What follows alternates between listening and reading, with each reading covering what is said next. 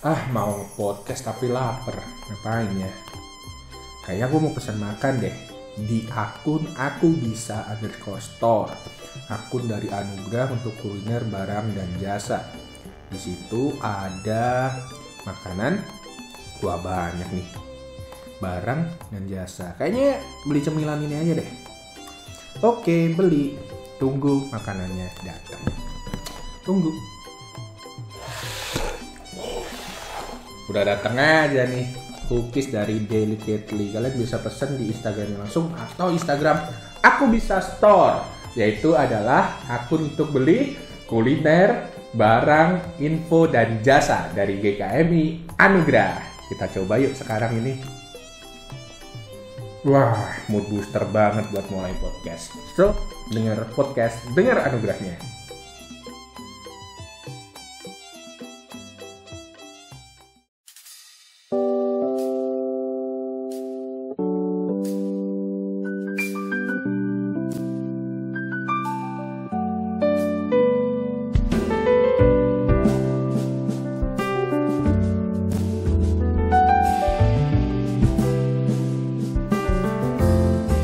Jumpa lagi di Dengar Anugerahnya by GKM Anugerah, sebuah podcast ngomongin seharian kita. Dan bulan ini kalau kalian beribadah di GKM Anugerah, kita masuk ke bulan keluarga.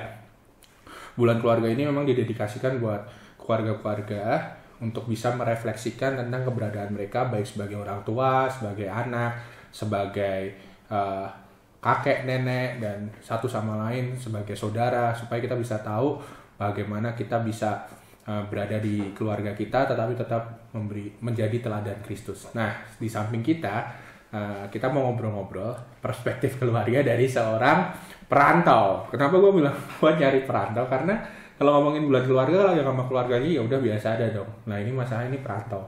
Mirip sama gue, gue juga perantau. Kali ini kita akan ngobrol sama Sevan. Hai Sevan. Halo, Sevan asli dari mana? Asli dari Ngalam, Malang. Oh, Kerangalam. Kerangalam. Nah, Kerangalam itu kalau bahasa Malang itu dibalik-balik ya. bener Yoi. ya? Are, Kerang, Malang. Ya kan? ngalam. Kera itu are, ngalam itu Malang dibalik. Yoi. Udah berapa lama lu di Jakarta? Um, hampir tujuh tahun. Tujuh tahun ya. Tujuh tahun berarti lu lulus langsung ke sini atau gimana?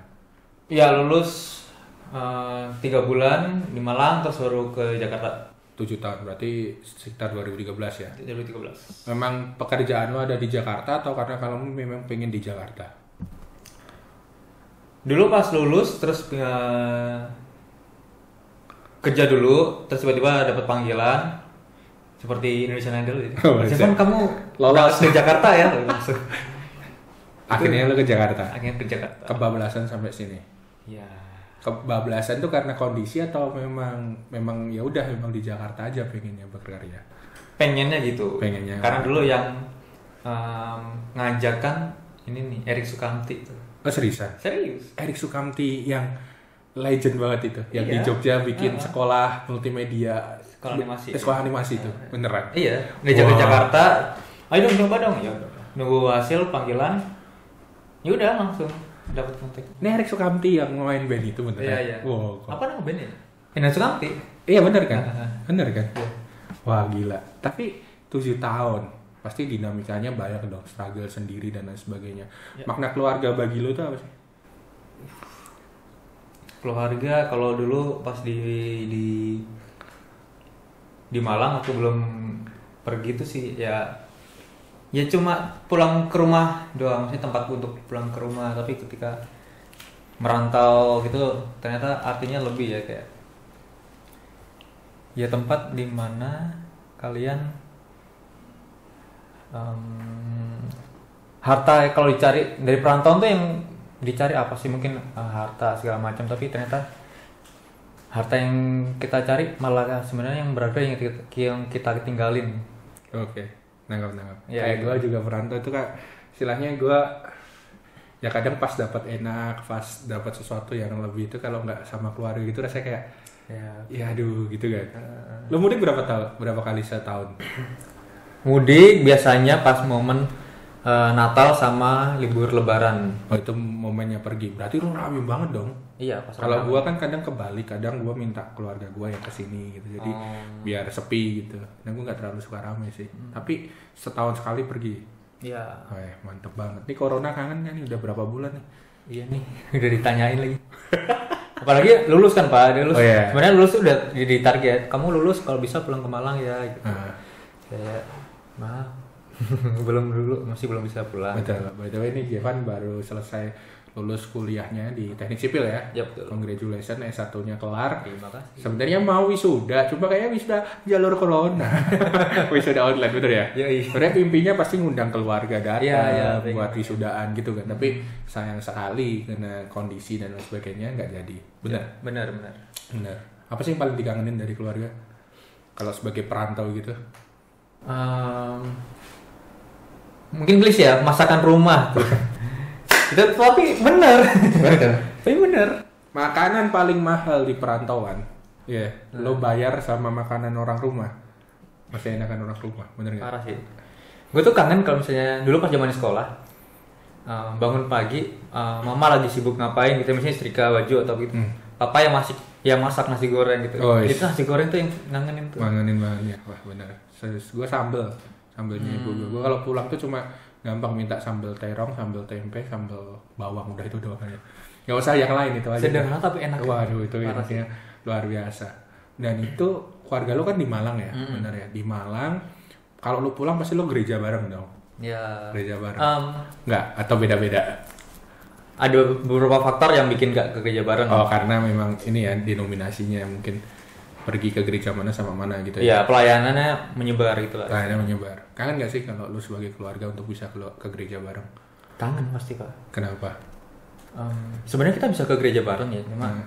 karena ini kalau em, saya boleh cerita, jadi papa saya salah satu tokoh yang mendirikan gereja gitu kan, Hmm. jadi em, udah berdiri, terus ada pendeta yang baru datang, terlibat konflik, akhirnya para pendiri ini mencar semua. Ah, tahu tahu tahu. Jadi uh, papa saya dan teman-temannya mencar um, pelayanan di gereja baru, tapi kami masih tetap di sini. masih tetap di gereja lama. Iya, cuma kalau misalnya ulang tahun gereja masih diundang itu baru berasa.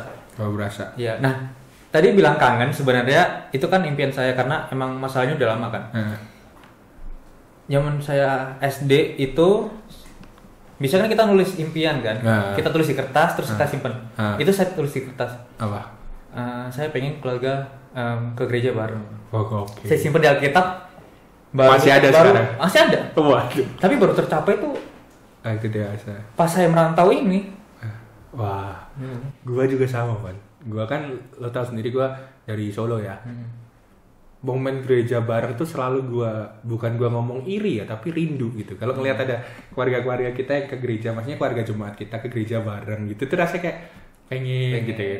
Kemarin Natal gua sempat pulang bisa tuh akhirnya Hmm. sama keluarga itu rasanya tuh beda gitu loh kayak wah ini tuh momen bareng gitu kayaknya itu bakal jadi waktu kecil mungkin kita nggak terlalu merinduin itu ya mungkin waktu kayak kita SD sekolah minggu atau apa gitu. Tapi nanti waktu kita dewasa itu jadi hal yang dirindukan banget ya. Parah sih. parah sih. Itu itu gua juga parah. Apalagi momen-momen sekarang individu keluarga itu pasti tambah dirindukan lagi ya. Ya, betul. lu kalau boleh ini kan bulan keluarga di kita nih. Hmm. gua mau denger dong anugerahnya kayak judul di podcast kita ini kan denger anugerahnya. Anugerah apa sih yang lu dapatin dari keluarga lu ke lu yang Tuhan kasih lewat keluarga lu buat lu Hmm, yang didapat dari keluarga yang lu alamin kasih. kayak mana itu kasih Em, selalu em, apa ya? Emang sih di sini orang tua tuh kasih kita target, jadi kayak misalnya kamu harus ini, harus ini, harus ini gitu kan. Hmm. Tapi em, mungkin banyak orang tua di luar sana yang menuntut tanpa mempedulikan perasaan anaknya gitu kan. yang menarik deh Jadi em, banyak menuntut tanpa memperdulikan eh, perasaan anaknya. Apakah itu emang passion atau Hmm. enggak gitu. Yang puji Tuhan di keluarga mendukung sih. jadi mereka bukan menuntut lu gitu Iya, mendukung. mendukung Heeh. Kayak SMP pengen tiba-tiba beli gitar gitu kan ngumpulin uang saku buat beli gitar band gitu ya di support. Support. Bahkan sekolah ke lu kan animasi ya? SMK-nya multimedia. Multimedia bahasa simpelnya. Multimedia terus lo ngerantau ya kan? Kuliah. Pindah sipil tiba-tiba Pindah kan? sipil, lo ya. kenapa kamu kok pindah sipil? Itu jalur yang sangat berbeda. Karena kalau sipil nggak bisa dianimasiin. Harus jadi kan? Iya. ya bisa sih animasi buat sebelumnya tapi kan beda tapi lu ngerasa itu ya bahwa setiap dukungan penerimaan penghargaan apa yang lu pilih mereka support tuh bentuk kasih Tuhan kepada lu. Lu ngerasa di situ ya? Iya iya. Mirip loh kayak connect kita kita bahas ya kemarin ya. Baru kemarin ngomong soal saat kita menerima keluarga kita saat kita mem- mem- memberikan penghargaan itu ada kasih sayang. Dan kasih sayang itu bentuk anugerah juga yang kita rasakan. Wah menarik banget. Ini kalau boleh ngomong nih sama pemirsa eh orang tua mungkin di WS kayak kayak di ini kayak di TV TV ini. Kalau orang tua nonton gitu. Mau ngomong apa? Pakai bahasa Jawa juga boleh pakai bahasa apa pun boleh. Eh, Pa, Ma, um, ngapunten kulo dereng saged. Uh, mulai uh, tasih wonten target-target teng Jakarta sing dereng kulo capai. Kulo mboten saged bantu secara fisik. Teng griya yen wonten butuh ngoten nggih. Dongake mawon uh, sehat um, aman sukses lan wonten jodoh. Sampun papa mama uh, sing sehat isil juga. Wah, ini kita pakai subtitle ya. Tadi ini kita mau ngomong bahasa Jawa. Tadi pakai subtitle pasti.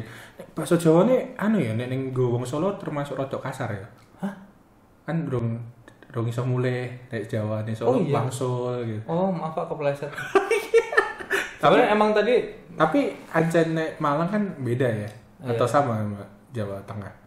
sama sih um, mungkin kalau bahasa Jawa yang kasar lebih beda-beda cuma kalau bahasa halus kayaknya sama deh Bahasa halusnya nggak ya, sama. mungkin saya kepleset aja Nggak apa-apa, nggak apa. Jadi ini pertama kali podcastnya pakai subtitle nanti. Tanpa diketahui Stefan, ini dia orang tua Stefan. Enggak, enggak ini kayak sinetron. Ay, apa acara-acara eh, Iya. Indosiar lo kok nyebut banget. Enggak, enggak. Oh, Van. Ya. Nah, kita udah denger lo tadi pengalaman di sini, keluarga lo sendiri juga. Kita udah denger juga yang lo katain ke orang tua itu. Kalau gua tadi itu cukup tersentuh lo waktu ngomong, Mas. Sorry saya nggak bisa bantu secara fisik ya. Jadi ingat saya saya juga nggak bisa pulang kalau ada acara apa ada sesuatu yang harus saya bantu cuma bisa support doa, Ya. support dari sini. Kayaknya perantau gitu ya memang ya perasaan kita. Kalau lu nanti bangun keluarga, nilai-nilai keluarga apa yang pengen lu bangun dengan pengalaman lu udah pernah merantau, lu pernah sama keluarga lu ada nilai-nilai apa yang pengen lu bangun kalau boleh tahu. Hmm, balik lagi seperti yang ada di keluarga saya, em, semuanya berdasarkan kasih. Jadi eh, pengen apa yang kita lakukan tuh dengan kasih. Ada ayatnya aja ambil contekan Siap, siap. dulu. dia pakai acara doain dapat jodoh sih jadi gua tanyain ini Oh, oh, tadi kan lu bilang gitu sama orang tua Oh, iya, iya. Eh, Bagus dong dua orang tua. iya iya 1 Korintus 13 ayat 13 demikianlah tinggal ketiga hal ini yaitu iman, pengharapan dan kasih dan yang paling besar di antaranya adalah kasih. Em, kalau saya tangkap sih secara pribadi mungkin ayah, ibu eh, punya visi dan misi untuk anaknya kan. Hmm. Em, memang rencana orang tua itu terbaik untuk an- anaknya karena tahu. Tapi em, baik lagi jangan hanya mengejar visi. Visi tetap harus ada, tapi kasih tetap perlu menjadi dasar sambil mengusahakan karunia-karunia. Itu. Kalau yang 1 Korintus 14 ayat 1 setelahnya itu kejarlah kasih itu dan usahakanlah memper- memperoleh karunia.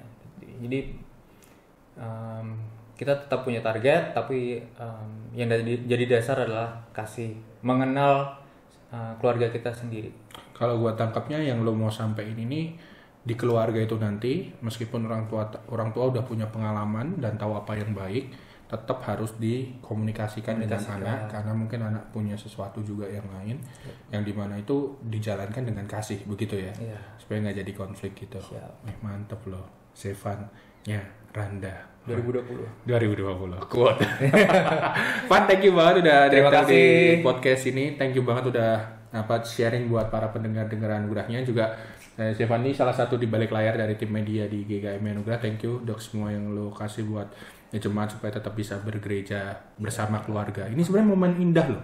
Oh iya. Iya dong di rumah aja ibadah bersama.